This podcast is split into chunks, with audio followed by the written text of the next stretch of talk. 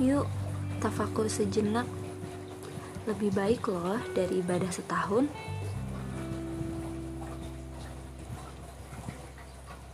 Ini adalah narasi untuk tafakur atau renungan.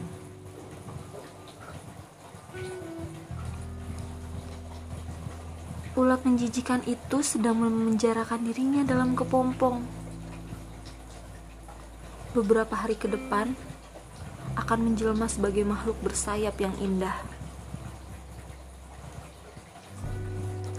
Akan ia jelajahi bunga-bunga, menikmati nektar pada setiap putik, tanpa membuat bunga-bunga terusik. Ia tidak lagi perusak daun dan buah ia pengantar antara kepada stigma.